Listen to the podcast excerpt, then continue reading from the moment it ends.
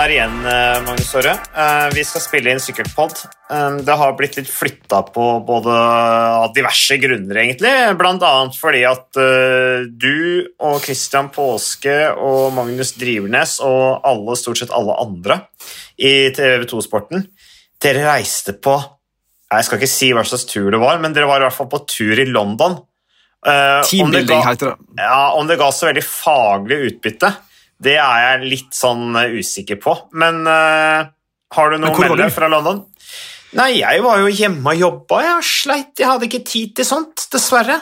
Jeg skulle gjerne vært med, men det, bare, det funka ikke. Så eh, det er bare sånn det er.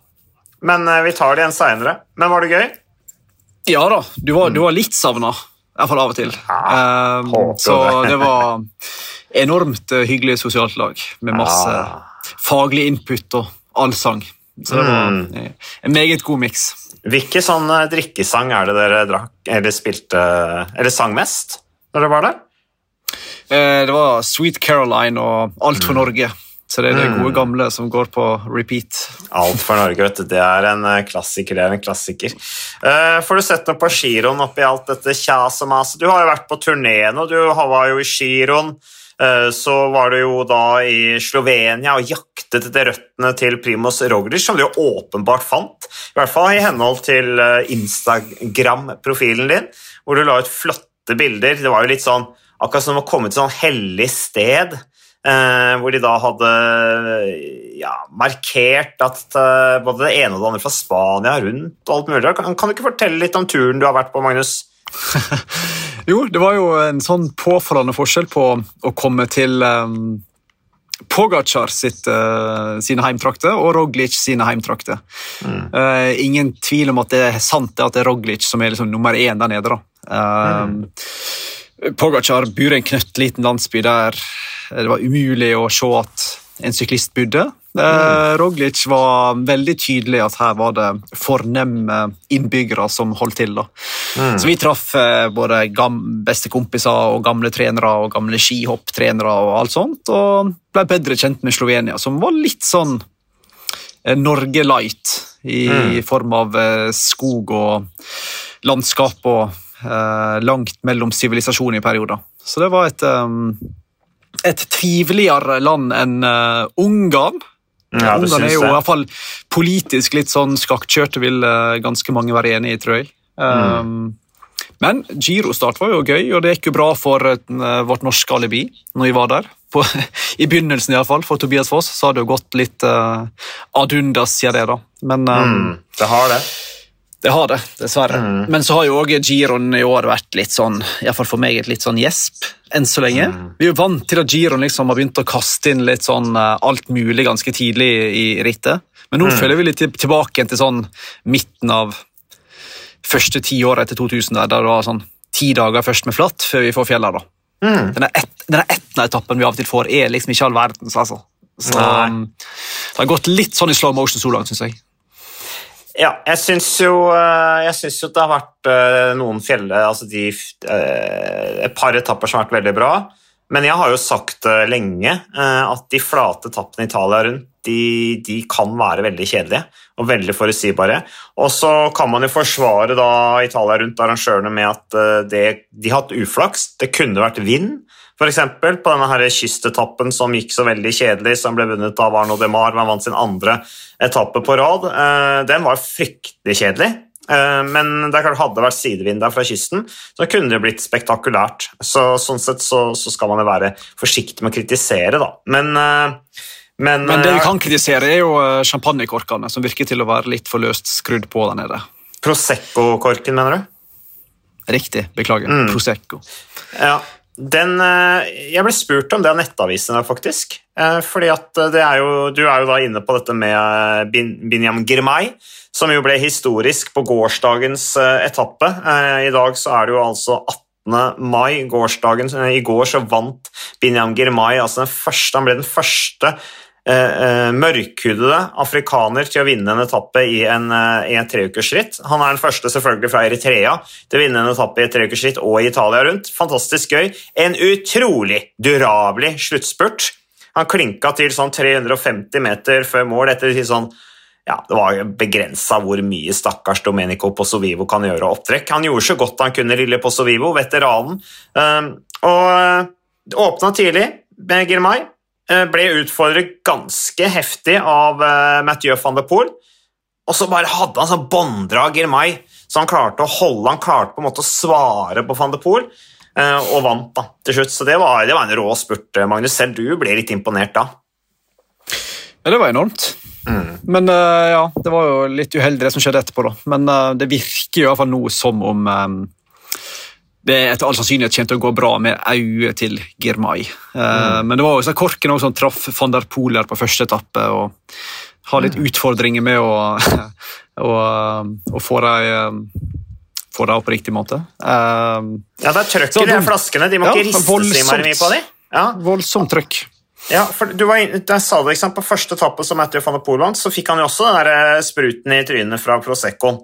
Uh, så det er et eller annet de må være litt mer forsiktig. De må gå gjennom sånne HMS-protokoller før de slipper disse her flaskene løs, disse stakkars forsvarsløse rytterne. Som jo da i verste fall blir blinde av dette her, da. det er jo livsfarlig. Ja, Du har ikke fått noen rapporter på Girmay eh, på øyet, bortsett fra at han ikke starter da dagens eh, etappe, som jo er helt utrolig egentlig at han ikke gjør det. Ja, legen sa vel at uh, den unngår vel sannsynligvis varig men, da. så det skal mm. nok gå fint. Det ser i hvert fall bra ut så langt. Men uh, van der Poel sa vel til første etappen at han, han fikk den vel i kragebeinet, tror jeg, denne uh, korken. Mm. At den var liksom skrudd opp litt i forkant. da. Han trodde mm. han liksom skulle begynne å skru skikkelig, men så var han allerede løsna. Så ja, det er jo ganske absurd. Kun i sykkel du får sånt, føler jeg. Hva hadde du med Du har jo også Jeg prøvde å huske litt tilbake, men uh, du husker når Kristoff eh, vant uh, Flandern rundt i 2015?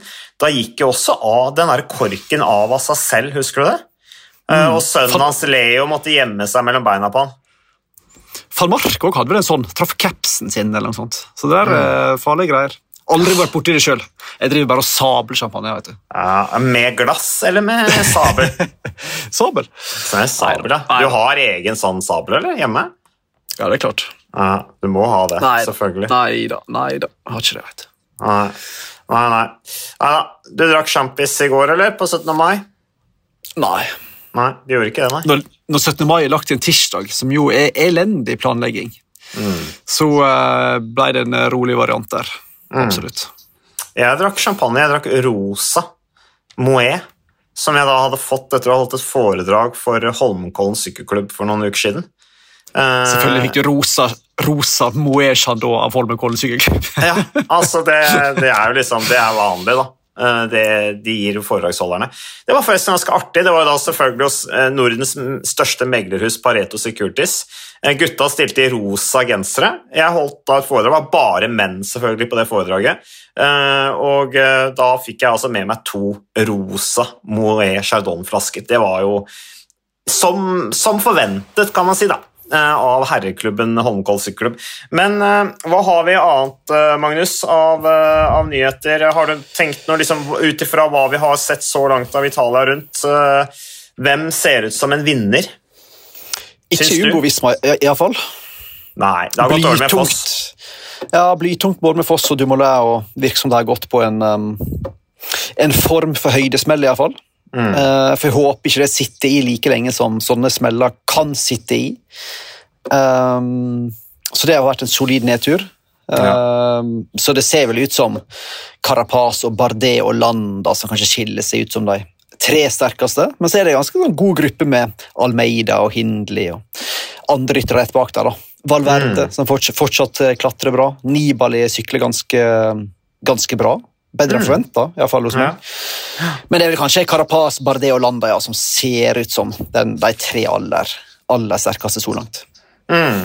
Uh, Almeida, da? Hva tenker du om han? Nei, som jeg sa, Han er jo rett bak der, men jeg syns ja. han tipper han kan bli med tre-fire. Men um, jeg syns han gravde ganske djupt på den første skikkelige fjelletappen. der. Mm. Mm. Og han sier, vel, han sier, vel, at pallen er mer enn bra nok for han uh, i år. Så jeg tror ikke han vinner, nei. Nei. Og Juan Pedro Lopez, hvor lenge holder han i rosa? Til helga, når vi får mm. nye fjelltopper. Han er jo en god klatrer. Ble vel eh, topp 15 i Vueltaen i fjor, om jeg ikke husker helt feil. Mm. Så han kan nå absolutt eh, karres til i en topp ti-plassering hvis han bare ikke svir av alt kruttet på å forsvare Rosa, men tar det litt fornuftig. Ja. ja det blir spennende. Jeg syns det er gøy å se gamle Bardet. Uh, han, uh, han, ligger jo godt an i forhold til å klare pallen, da. Eneste rytteren som liksom blir bedre av å komme til DSM, Roman Bardet. Og har jo forlenget avtalen med, med laget også uh, i ytterligere to år, var det vel? At han har gjort det. Uh, litt sånn overraskende, liksom. Bardet som kommer fra liksom ja, tradisjonelt sykkelmiljø RDSR og syklet veldig bra, og så får han liksom Det vanlige er at de bare går nedover og nedover og nedover. De går fra det ene laget til det andre og, og, og, og melker det de kan ut av, av pengeposene til de ulike sykkellagene, men han her har jo liksom Ja, han, tydeligvis en veldig sånn ydmyk type som, uh, som uh, er interessert i å utvikle seg, uh, og som er interessert i å tenke nytt, og som tydeligvis har godt utbytte av det. Så det er jo litt artig. Han fikk jo forresten, Magnus, han fikk jo forresten sånn pris av Unesco før Giro Italia, bare det for Great Sportsmanship etter denne her episoden i Liège-Baston-Liège, hvor han i stedet for å krabbe opp på sykkelen etter dette store veltet, eh, krabbet ned i grøfta for å se til eh, landsmannen sin Julian Aller Philip. Så stor, eh, stor mann, altså. Roman Bardet. Vi hyller han. Ja, ja. og så tenker jeg den oppturen i DSM kan jo si litt om hvor intenst det presset med å være fransk på sånne store franske lag eh, mm. faktisk er, da. Han virker jo veldig Han ser jo mindre stressa ut, iallfall før rittet når du ser han. han, han kontra tidligere år. Han ser mer avslappa ut. Så mm. jeg tror er litt sånn universelt populær type òg, både blant fans og kollegaer. virker det som. Så mm. vi heier litt på han i giroen, da. Vi gjør det. Ja, det er hyggelig det om han eh, kom på, på pallen. Ellers er det jo med måten Bardi, altså han, Apropos hyggelige franskmenn, Arnaud Demar er jo også en veldig hyggelig fyr og har liksom hele laget bygga rundt seg. og Det er jo gøy for så vidt at de også gjør det såpass bra med disse to seierne de har hatt. og Nå er jo han da eh, nå er det blitt nevnt flere ganger da, av, av sykkelkjennere, men altså nå er jo han den mestvinnende franskmann i, eh, i Giro Italia, målt i antall etappeseiere. Så det er jo bare å applaudere Arnaud de Mar og Francé de Sjø. Hyggelig for han etter en litt tung periode på et par år nå, hvor det liksom har gått litt imot. Um, godeste Arnaud de Mar. Så det skal bli spennende å se. Ellers jeg så du tvitra om Alexander Kristoff her, som ble nummer to i dette her rittet i Frankrike. Hva het det igjen? Morbia. Morbia, ja. ja. Mm. Mm. Det var så bra ut, det. Han ble jo tatt på senga, eller tatt på senga. Han kunne iallfall ikke tette luka når Simon, gode gamle Julien Simon, som har vunnet rittet to ganger før i tillegg, tror jeg, stakk siste kilometerne, da, eller siste 500 meterne. Men han så mm. nå, han, var, han vant jo spurten i, i kalde feltet, da, så fortsetter en veldig god trend. da. Hatt en uh, veldig fin sesong så langt, uh, Alexander Kristoff. Mm. Julian Simon var vel også en fyr som kanskje trengte en liten opptur? Han, det er vel en stund siden han også har hevdet seg i, i toppen, så vidt jeg som, husker. Fransk cuprytter som dukker opp i samme rytter hvert år. Så.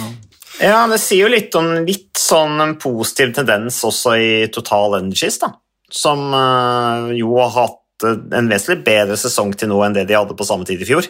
Så, mm. Og så har de jo også sendt Peter Sagan opp i høydetrening oppe i Utah som skal trene til eh, Tour de France. Det blir spennende å se om eh, Peter Sagan kommer tilbake i godt gammelt slag. Ellers må vi nevne Ungarn eh, rundt også, Magnus. Jeg syns jo at Carl Fredrik Hagen der Det syns jeg jo var bra av han. Han ble nummer fem sammenlagt.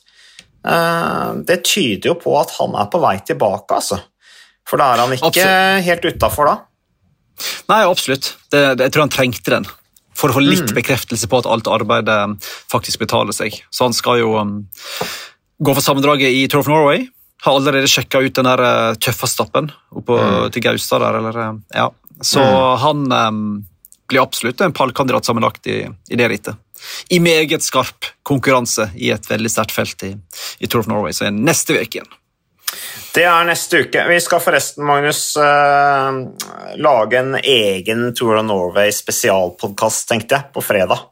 Jeg vet ikke om vi får gjort det, men det er i hvert fall planen. Og da stepper Magnus Drivnes inn, i og med at du har såpass tett program da, som det du har. Det er jo en knallhard, knallhard løype i år i Tour Norway. Det må jo være tidenes hardeste Tour of Norway-løype, som definitivt ikke er laget for liksom, de spurtsterke sånn det ble jo litt sånn, altså Tour de France ble jo på en måte designa litt for Edvard Baasen Hagen en stund, følte jeg.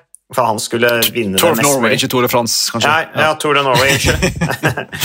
det, det, går jo an å, det går jo an å designe en Tour de France-løype som også er litt mindre hard, så en rytter som av kaliber Edvard Baasland kan vinne. Det er jo opp til arrangøren å gjøre det, men det ble liksom litt designa sånn for uh, i, i Tour Norway en stund, men i år så er det fjell, altså. Så det skal bli spennende å se. Ineos kommer med knallsterkt uh, sterkt uh, lag ditt. Magnus Sheffield har jo vært i Norge lenge, så hvis det er noen der ute som kjører bil eller sykler og har sett en Team Ineos-rytter og liksom har kjøpt seg Ineos-drakt og turen er proff, så er det faktisk Magnus Sheffield som er i Norge. Norgesvennen, halvt nordmann, broren hans. Fortell, Magnus, du har møtt han, har du ikke det? Jo da, vi har møtt ham mange ganger. Vi skal treffe ham nå i Oslo senere i veka, så det blir uh, hyggelig. Han er her med familien. Så, mm. så bror Håkon er, bor jo i Norge. Så han har vel ambisjon om å flytte på seg, tror jeg. Om jeg forsto det rett. Ja, ja. Det er ikke nøye. Ut av Norge? Uh, ja, jeg forsto det sånn. Mm. Men uh, Sheffield, Sheffield, Filippo Ganna og Ethan Hater, som vant sammenlagt i fjor, mm. der har du, tre, der har du um, A-lag fra Ineos, så lykke til med å, å se dem. Ja, det sier jeg også. Bare lykke til. Og jeg mener, Filippo Ganna kan si ja, ja han, er verdens han er verdens raskeste banerytt og sånne ting. Eh, verdensrekordholder på bane. Skal vel prøve seg på timesrekorden etter hvert også, Ganna. Um, fantastisk kapasitet. Ja, så kan man si, ja, Han er jo sikkert ikke så bra, da, i og med at det er kupert Norway, men fyren har jo såpass stor motor at han klatrer jo ganske bra òg. Eh, og særlig i det selskapet der hvor det ikke er liksom de beste klatrerne, så kan fort Ganna bli en sånn topp ti-mann sammenlagt, tror jeg, i, i Tour of Norway. Hvis han bare får liksom satt det på, justert på riktig wattbelastning og sitte der og male. Så, men uh, Eaton Hater som vant i fjor, er kanskje ikke den beste løypa for han i år, men absolutt han kan plukke det som er av uh, Han kan plukke mye etappe, han er relativt god klatrer, han også. Sheffield med den styrken han har, Gegenhardt, Italia-rundvinneren fra 2020 Du verden hvilke lag som Gabriel Rask kan kose seg med i Tour Norris. Det kan vi glede oss til. Uh, ellers er det vel sånn at Tobias Foss også skal kjøre Nei, det skal han jo ikke, selvfølgelig. Uh, det blir veldig vanskelig. uh, det, nå, nå surrer jeg her. Tobias men, Halland Johannessen. Tobias Halland Johannessen skal kjøre.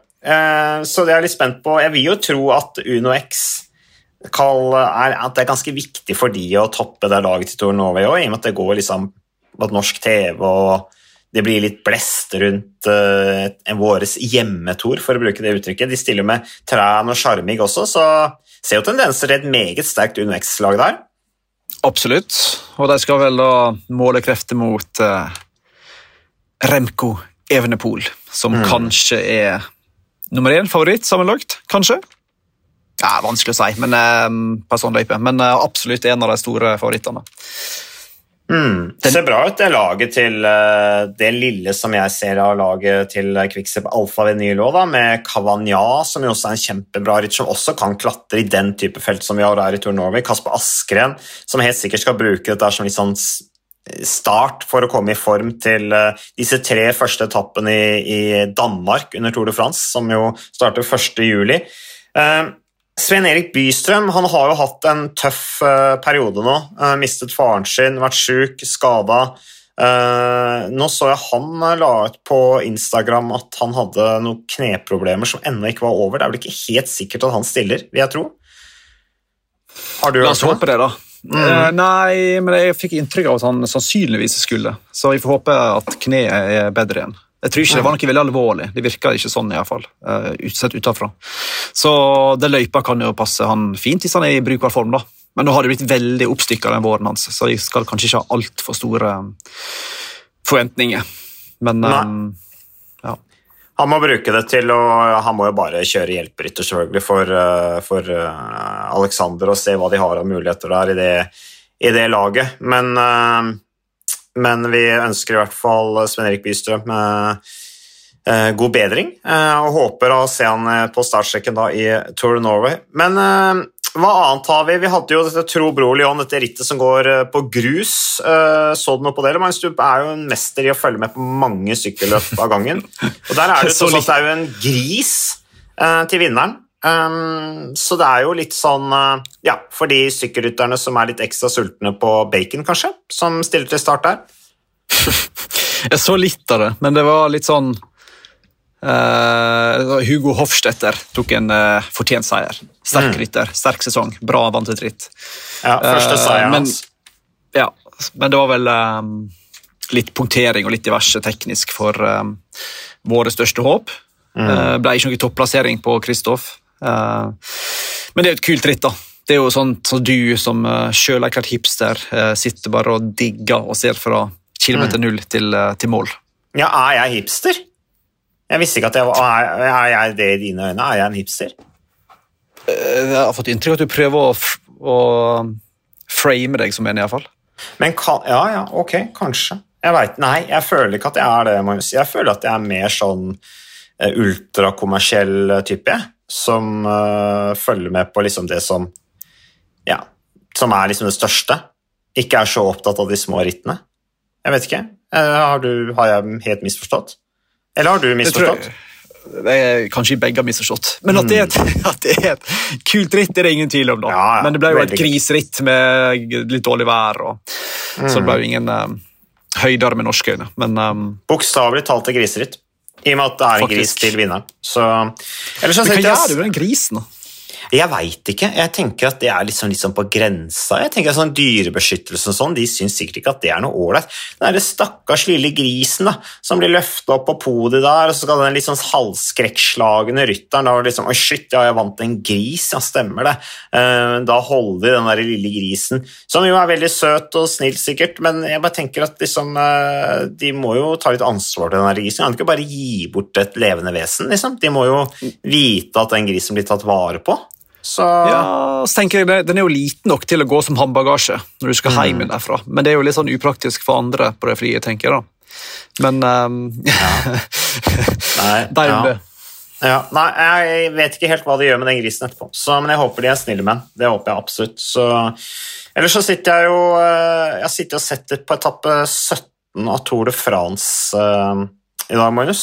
Um, Så, sånn apropos apropos ingenting, eller?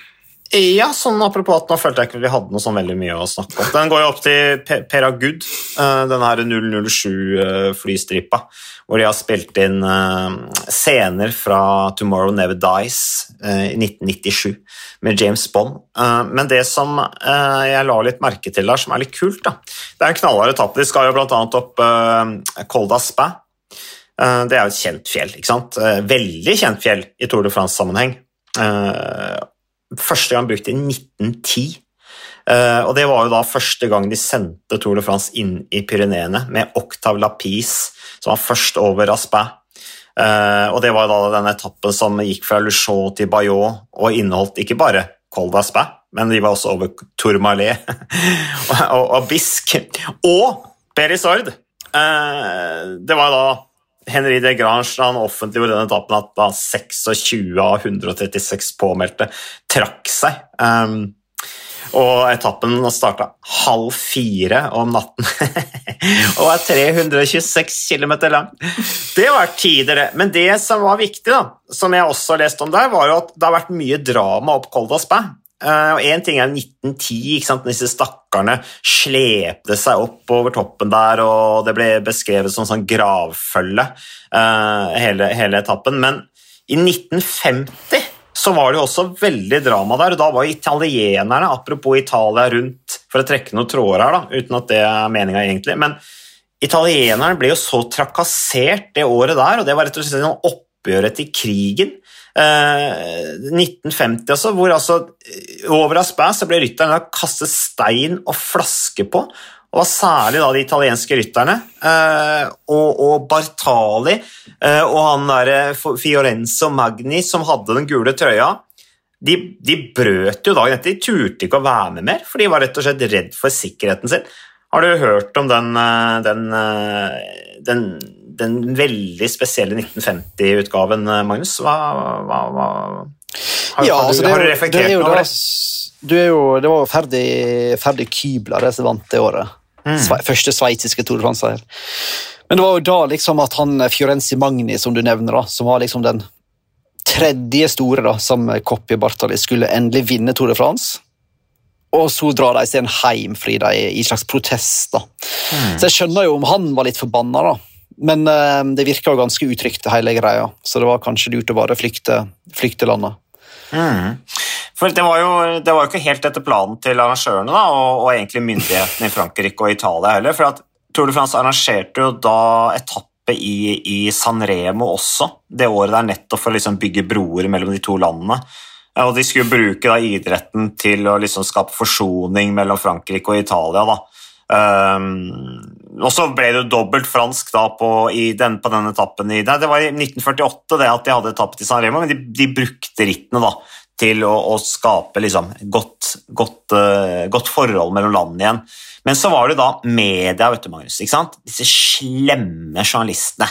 Tabloide journalistene med, med L'Equipe og La Cassetta i, i spissen, som da bidro til landssjåvinisme og rivalisering. Eh, og, og, da førte allerede til 1949, altså året før denne passeringen opp av Spæ, så var det allerede der at det begynte da liksom, franske eh, utøvere ble trakassert og dyttet på Italia, og vice versa. Så det er, eh, det er litt sånn eh, det, er, eh, det har gått hardt for seg. Altså, vi snakker jo liksom om publikum sant, de siste årene, hvordan de har behandlet Team Sky og Team Ineos og Chris Room, og, og, hvordan de kan oppføre seg noen gang, men det, jo, det, blir jo småtteri i forhold til hvordan det har vært i Tour de France i gamle dager. Alt var jo mye røffere og tøffere før. Tenk deg, tenk deg, hvordan, tenk deg hvordan, dette her ville vært da, hvis det hadde vært nå. Altså, tenk deg hvilke overskrifter vi kunne skapt i media, hvilke bilder vi hadde fått om dette her som skjedde i 1950, om det hadde skjedd i 2021 eller 2022? Hæ? Det er en sport for uh, galne folk. Ingen store idrettsarrangement i verden har hatt så masse random shit som Tour de France opp gjennom åra. Folk som slår Eddie Merckx i magen, eller kaster urin på Chris Froome, eller bønder som uh, blokkerer veien. Eller, altså det er så masse greier. Da. Og det er jo derfor vi er så glad i det. Mm. Det er bare sykkel og sånt kan skje. Så, men, fullstendig anarki. Fullstendig anarki. Men uh, de italienske rytterne de kom tilbake til Tour de France i 1951, da. så de prøvde igjen.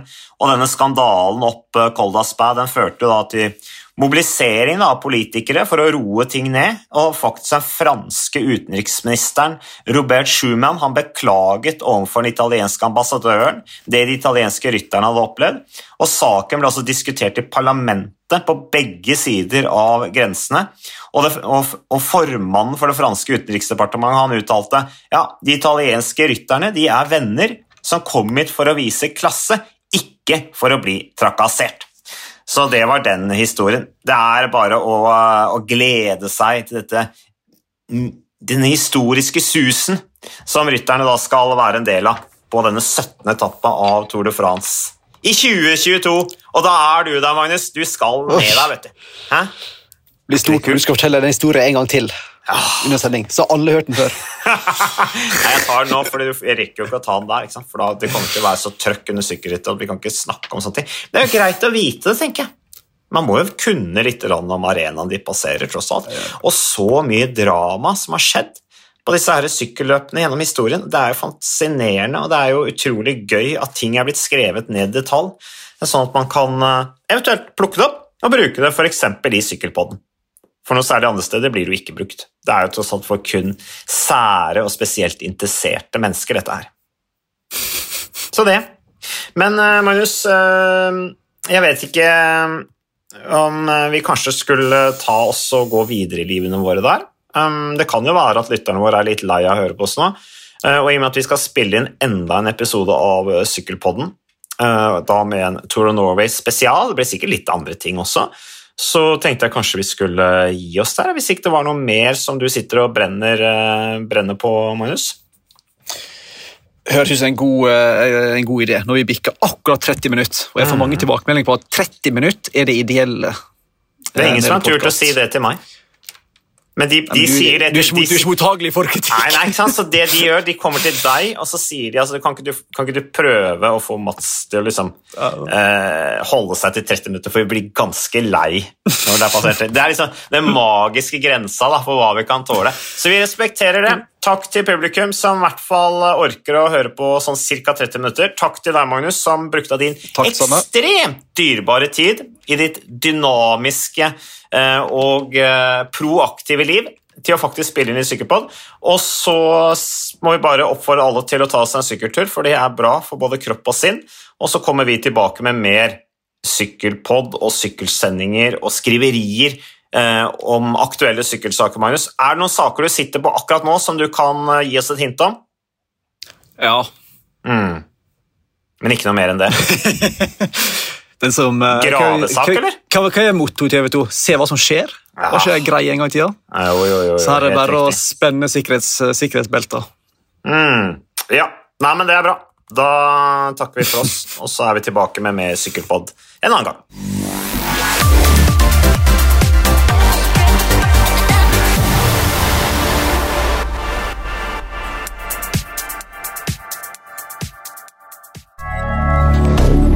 Moderne media.